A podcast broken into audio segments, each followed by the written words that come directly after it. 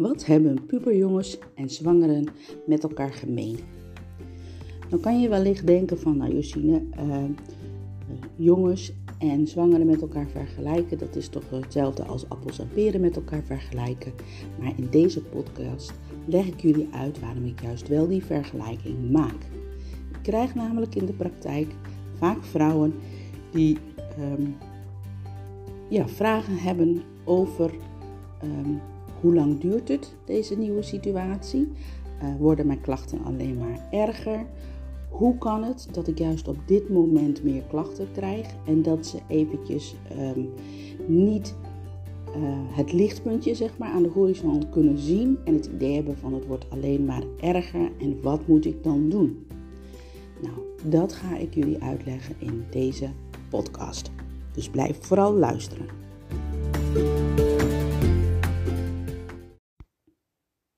Welkom bij weer een nieuwe aflevering van de Bekkenbodem Podcast. Ik ben Josine Buiter. Ik ben geregistreerd bekkenfysiotherapeute en ik werk al vanaf mijn 22e heel veel met mensen die klachten hebben in het buik, bekken, bekkenbodemgebied. En ik ben daar uh, helemaal ingedoken. Um, mede omdat ik ook moeder van vier kinderen ben en me helaas meer kan inleven dan me lief is wanneer het gaat om klachten in dat buik, bekken, bekkenbodemgebied.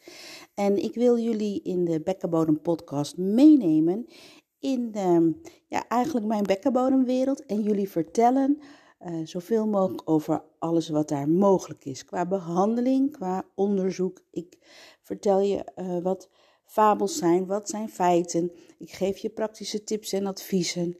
Um, ook andere hulpverleners komen aan het woord, zodat jij zo goed mogelijk geïnformeerd wordt um, over hoe dat gebied in elkaar zit.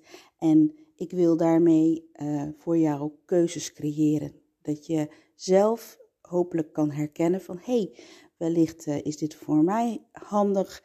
En um, ik weet nu ook waar ik naartoe moet. Dus dat je daarmee ook je klachten zeg maar kan verminderen of kan verbeteren of helemaal zelfs kan doen verdwijnen. Dus uh, vandaar dat het mijn missie is om deze informatie over de bekkenbodem met zoveel mogelijk mensen te delen. Want hoe meer mensen weten dat ze die, deze keuzes hebben en hoe het in elkaar zit, hoe meer me mensen zeg maar, worden geholpen, des te minder leed en verdriet is er. Dus ik wens jullie veel plezier bij het luisteren naar deze Bekkenbodem podcast. Mijn lijf doet niet wat ik wil en het ene moment is het wel goed en het andere moment dan wil het helemaal niet. Ik snap er echt helemaal niks van en ik baal er heel erg van. En wat ik zie is dat het heel vaak vrouwen ook uh, verdrietig maakt. Um, en dan begin ik met uitleggen van dat um, vooral over van hoe lang gaat iets nou duren. Nou, dan leg ik uit dat een uh, zwangerschap dus een uh, beperkte tijd heeft en dat de prognose gewoon heel goed is.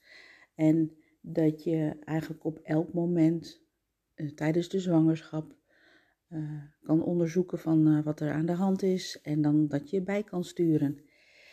Um, om iemand ja, om het beeld zeg maar duidelijker te maken, neem ik dus dan vaak de vergelijking met puberjongens. Want um, ja, die, die, vooral als uh, mensen wel um, uh, bijvoorbeeld broers hebben gehad, of familieleden, of vrienden van vrienden, dan herkennen ze het vaak wel, het beeld. Want um, Net zoals een zwangere is zeg maar de puberteit ook een fase in je leven waar je doorheen moet. En het grote uh, overeenkomst zeg maar tussen uh, pubers en zwangeren is dat je een bepaalde periode gaat groeien. En wanneer je kijkt naar het bewegen zeg maar van puberjongens, dan zie je vaak dat ze ja, in één keer de lucht inschieten. Echt um, maar ook vooral dat ze heel slungelig worden of vaak ergens tegen aanstoten, vaker struikelen of blessure krijgen. Um, ja, um, en hoe kan dat nou? Nou, dat komt omdat de kaart, zeg maar, in je hersenen, in je hersenen is de kaart van aansturing, zeg maar, voor, je, voor alles in je lijf aangelegd. En ehm, wanneer je gaat groeien, dan komt er als het ware een soort uitbouw bij. En dan krijg je een situatie waarbij de TomTom, zeg maar, af en toe nog niet de update heeft gehad. Dus dat de nieuwe wegen nog niet goed zijn ingeschreven of aangetekend, zeg maar, op die uh, kaart. En dan kan je dus wel gaan bewegen. Alleen um, tijdens die fase, overgangsfase, is het zeg maar minder accuraat, minder nauwkeurig.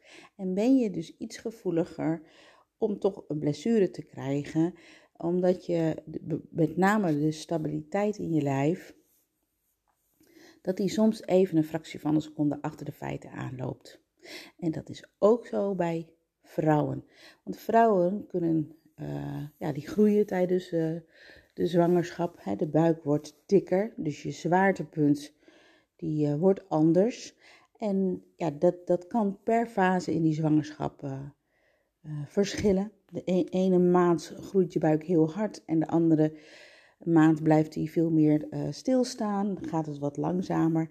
En ja, dan heb je dus eigenlijk ook bij die zwangere vrouw even de situatie dat die kaart niet op elk moment die goede update zeg maar heeft gehad en dat je dus een beetje achter de feiten aanloopt. Dus dat is het eerste vergelijk. Verder is het zo dat het tweede vergelijkspunt is natuurlijk dat het een fase is met veel hormonen. Bij de jongens en bij de vrouwen. En ja, hormonen zijn gewoon soms rare dingen en die kunnen wat grillig uh, zijn. En die kunnen de situatie in banden en zo uh, beïnvloeden ze. Wat hebben puberjongens en zwangeren nog meer gemeen? Is dat, dat je de uitkomst zeg maar, van de periode nog niet helemaal weet. Je weet hem in grote lijnen. Je weet van uh, als moeder van ik ga een kindje krijgen. Maar je weet nog niet precies wanneer de geboortedag zeg maar, van je kindje zal zijn. Dat is nog onzeker. En bij jongens is het ook zo dat van, ja, je weet dat je groter groeit, maar wanneer je precies welk moment je echt uitgegroeid bent, dat weet je vaak pas uh, achteraf. En dat kan zo'n periode gewoon een beetje onzeker maken. Nou, wat belangrijk is om te doen, om wat je zelf uh, kan doen tijdens zo'n periode, is dat je vooral wel blijft bewegen. Laat je niet belemmeren um, door angst, bijvoorbeeld dat je iets kapot zou maken, maar ga wel gedoseerd bewegen. En waarom is dat bewegen nou zo belangrijk? Nou, dat is belangrijk voor die kaart in de hersenen. Je moet zelf eigenlijk die update van de TomTom doen. Door te bewegen, um, dat is eigenlijk net zoals dat je zo'n auto van de TomTom zeg maar uh, ziet rondrijden, hè? dat van Google Maps. Dat ze, als er een nieuwe straat is, gaan ze daar heen rijden en dan gaan ze daar een film maken van de hele straat.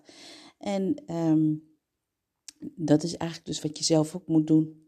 Dus in die nieuwe situatie gewoon rustig bewegen. En met dat je gaat bewegen met je nieuwe gewicht of met de nieuwe lengtes van armen en benen bij pubers, dan schrijf je die kaart steeds nauwkeuriger in. En hoe vaker je dat weggetje zeg maar rijdt, hoe meer die zeg maar bekend wordt.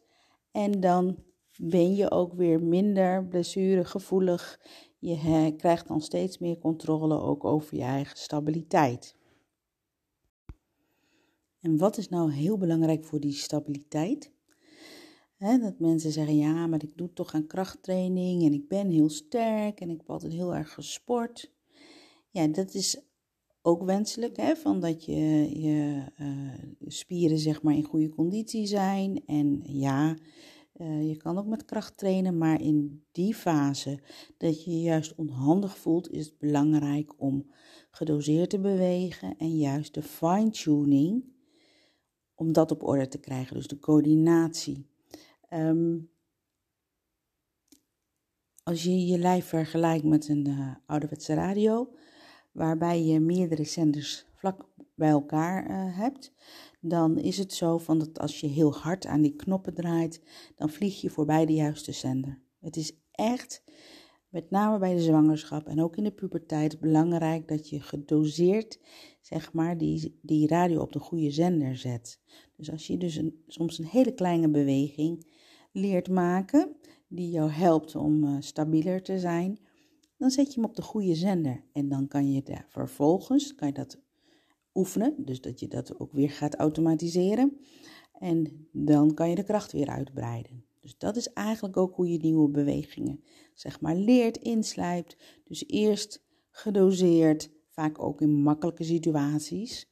Um, je gaat ook niet een marathon in één keer lopen.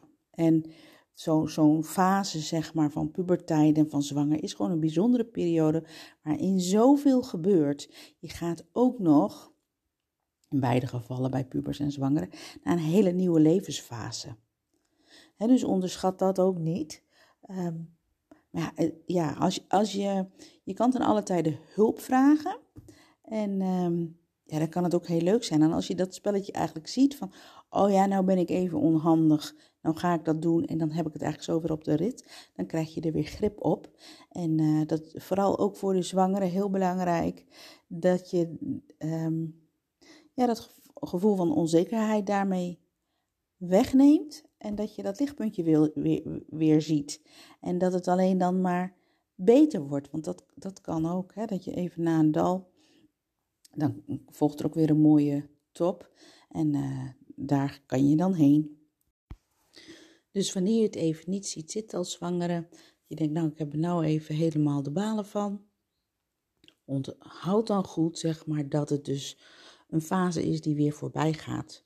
En um, het is ook niet zo, zeg maar, dat je altijd heel hard moet werken, zeg maar, om iets goed op de rit uh, te krijgen. Je moet alleen even weten net wat je moet doen, wat handig is om te doen. En dan kan het soms ook echt met iets heel kleins enorm vooruit gaan.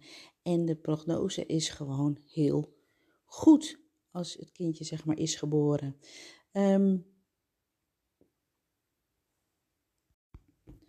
Mijn boodschap voor zwangeren is dus dat als je klachten hebt, van zoek iemand die je kan helpen om die update te realiseren, zodat je weer op het goede spoor komt. Naast de postpartum check, waarover je misschien nu via verloskundige of andere hulpverleners meer hoort, kan je ook een prepartum check doen. En uh, die zal binnenkort ook op mijn uh, website uh, verschijnen zodat je zelf ook even in kaart kan brengen hoe het met jouw gebied is en dat je weet welke dingen er aandacht uh, bij jou behoeven, waar je mee je voordeel zeg maar kan doen.